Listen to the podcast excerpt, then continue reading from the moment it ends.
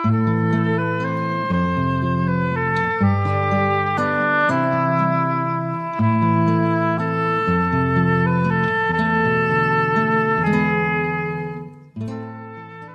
terug in Kaapstad. Dinsdae aande hierdie tyd in Kaapstad is dit storietyd. Kortom tyd. En vanaand gaan ons op aandrang van die luisteraars, soos ons altyd sê, nog twee koöperasie stories lees. Anna Mart gaan dit weer vir ons lees. Die vorige keer wat ons gelees het was die reaksie oorweldigend en ja. Die eerste storie wat ons lees het PG eksterminasie genoem. Kom ons luister daarna. Lekker luister.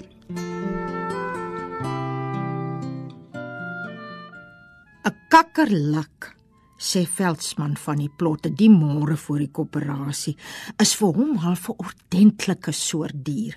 Wat nou die manier wat die goed aangaan in die donker. Meen, hulle sal as dit lig is nie gesig wys nie.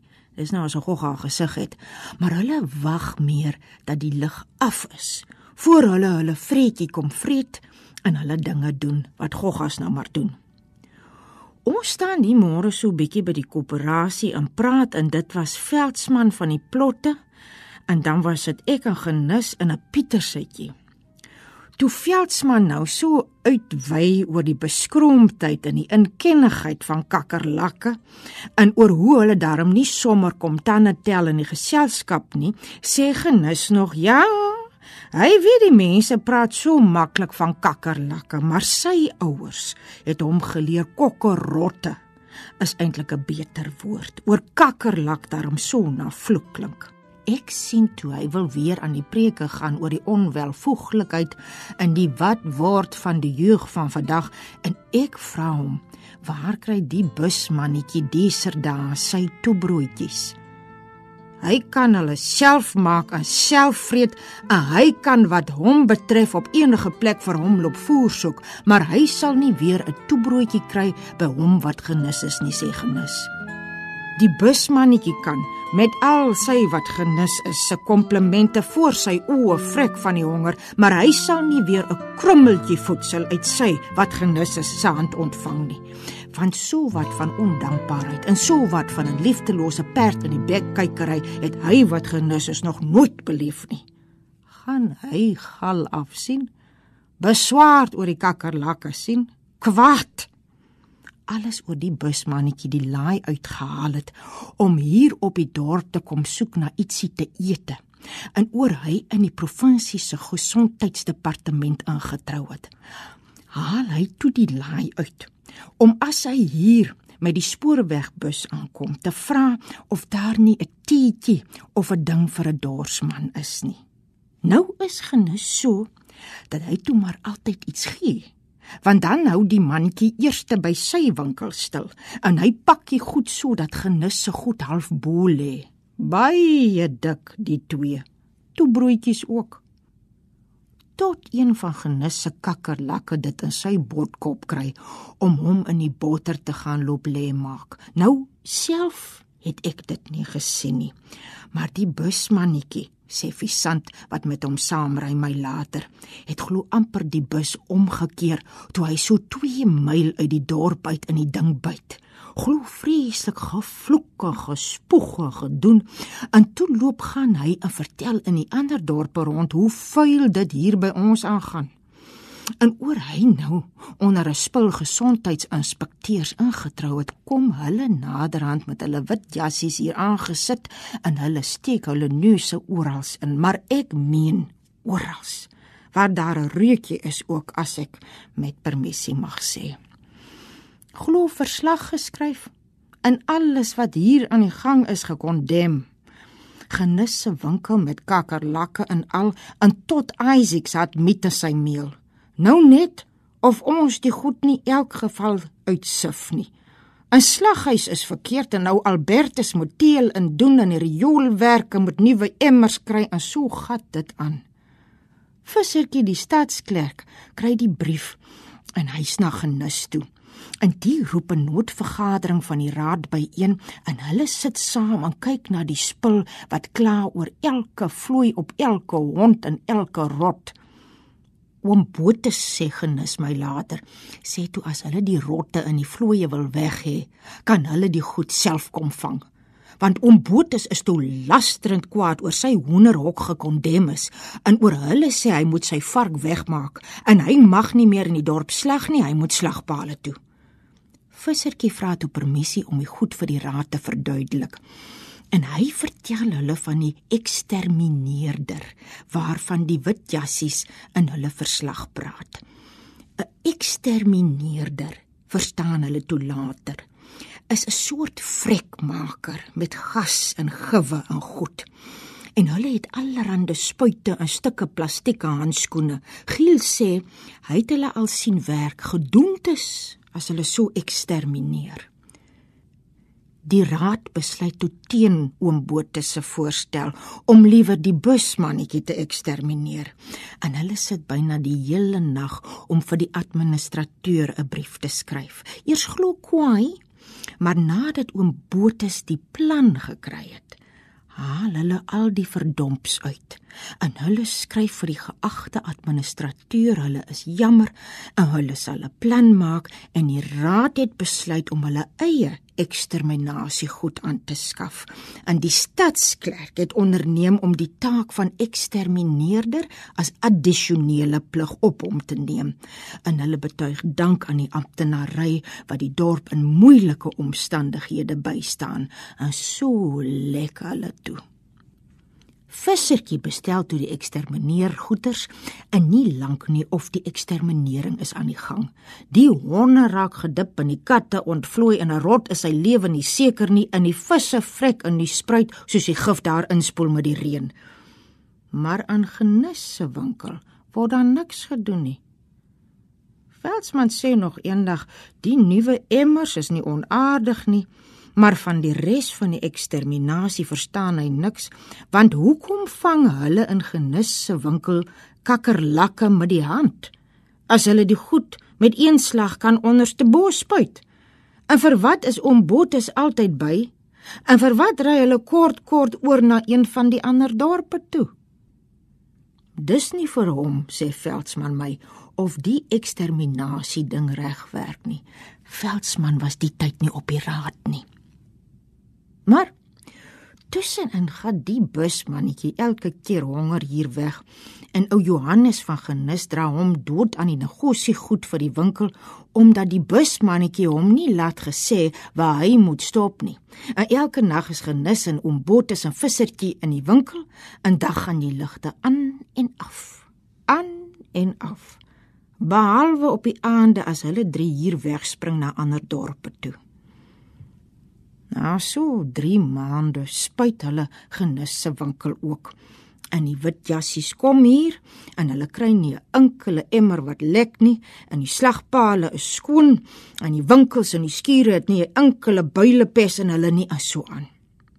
Nou sê genis Dis vir hom wonderlik dat die hele eksterminasieproses die raad soveel geld in die sak gebring het. Want toe ons ontslaa is van die kakkerlakke, het die ander dorpe skielik so plaag dat ons dorp wat toevallig die eksterminasieapparaat besit, maar moes inspringe gehelp. Die raad het so baie fondse gein, sê genis.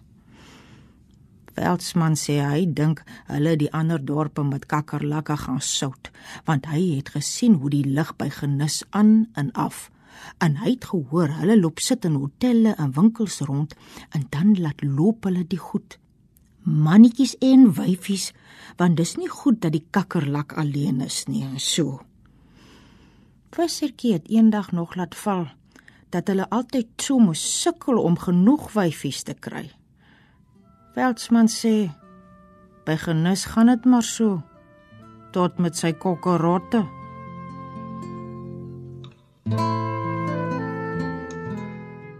Anna Mart het vir ons PG Du Plessis se eksterminasie gelees. Een van die koöperasie storie verhaaltjies. Nou gaan ons miskien 'n traan wegpik.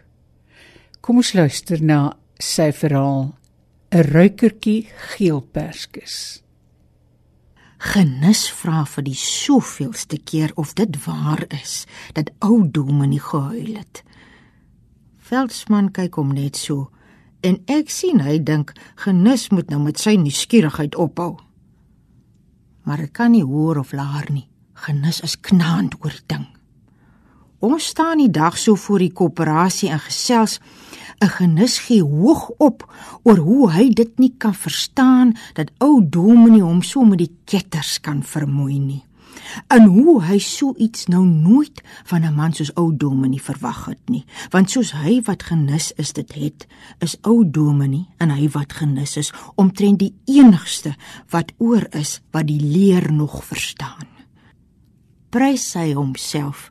'n Vis hy nou by Veldsmann oor hoekom ou Dominee by die sterfbed van Sias aan die huile gegaan het en later met 'n mandjie geel perskes afgesit het na Ester vermaak toe. Maar Veldsmann sê niks. En Letty van Veldsmann sê my Veldsmann het self bewoe van Sia se sterfgeval af teruggekom.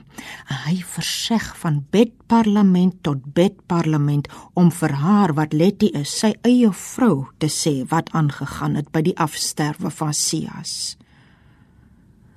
Kry hulle toe van Sias se mense om hom te begrawe.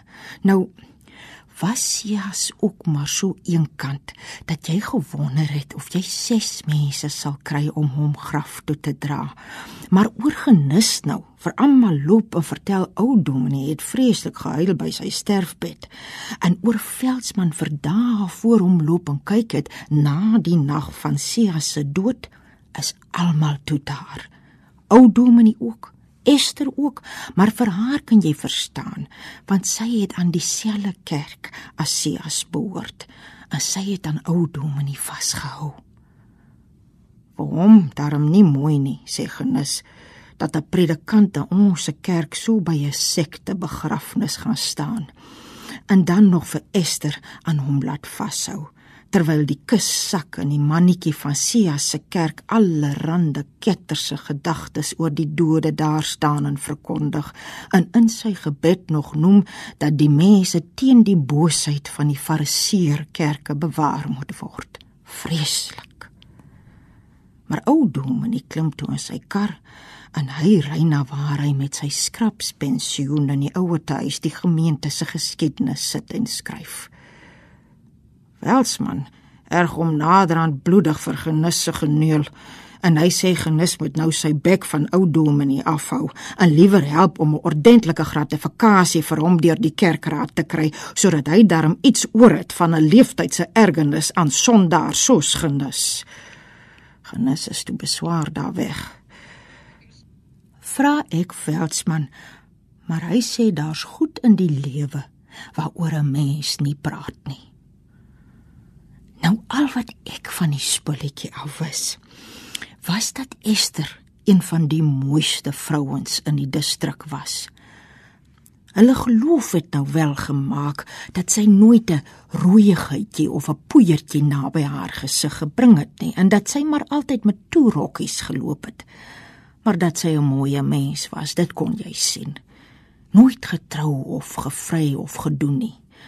Ons dag dis die geloof in haar skewe suster wat sy so opgepas het. Ag en as die mans eers uitvind daar's niks lyf te aas by so 'n vrou nie, kyk hulle haar ook maar mis, mooi of te nie. Selle kerk as Sias, 'n sekte. Ek het nou nie eintlik veel van hulle afgeweet nie behalwe dat hulle elke maand by Sias kerk gehou het. Dan het hulle nou gesing en gedoen, maar niemand geplan nie. Baie was hulle ook nie, want 'n mens het nooit meer as 'n dosyn of so daar gesien nie. Jong Dominee het my eendag vertel, dis 'n baie ou sekte wat al sommer hier voor die trek uit Amerika aangewy gekom het, die dat die spul so ondertrou het.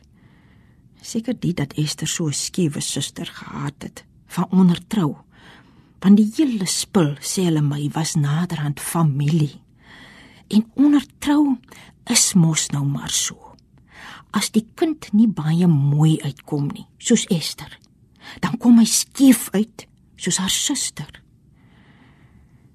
Maar wat ou Dominee so oorgehuil het, dit kom ek eers later agter. Veldsmann het naderhand vir Letty van die ding vertel en sy sê my die ding. Toe Sias nou agterkom, die kanker vreet aan sy maag, het hy maar die spulletjie oorgekry om vir hom te kom bid, want hy het nie aan dokters en goeters geglo nie, geloofgenesing. Maar die vat toe nie op die kanker nie, en hy was toe so aan die 40 toe raak hy bedlend en hy het vreeslik pyn. Maar al sy mense kom en dan bid hulle hom skoon vermoeid en dan is hulle weer weg en daar lê hy dan onversorg behalwe vir Ousina. Dis dit dat die mense van die dorp nader aan sê hulle moet maar kom help en hulle begin beurte maak en die jong predikant wil alweer seetoeker jakker en ou dominee moet maar weer kom aanstaan. Al het die kerkraad so suinig met sy gratifikasie gewerk. Die dat ou dominee toe in die oggende partykeer sop oorvat en dan met die man aan die gesels raak. Sê ou dominee my eendag, maar dit was voor hy oor die sterfte gehuil het, dat dit vir hom snaaks is dat so 'n gelowige man so aan die lewe klou. 'n Gedurig bid dat hy gespaar moet bly tot die eerste geel perskes ryp is. En hy eil nie, sê ou dominee en hy verwerp nie vir ou dominee omdat hy 'n onse kerk is nie. Hoe nader die einde kom, hoe meer praat hy van die geel perskes. En hy stuur ou dominee tuin toe om elke keer vir hom 'n groen perskietjie te pluk sodat hy kan sien hoe ver die perskes is. Verstaan ou dominee van die perskes pulletjie niks, maar toe hy die eerste ryp perske vir Sias wys, sê Sias: dis goed so.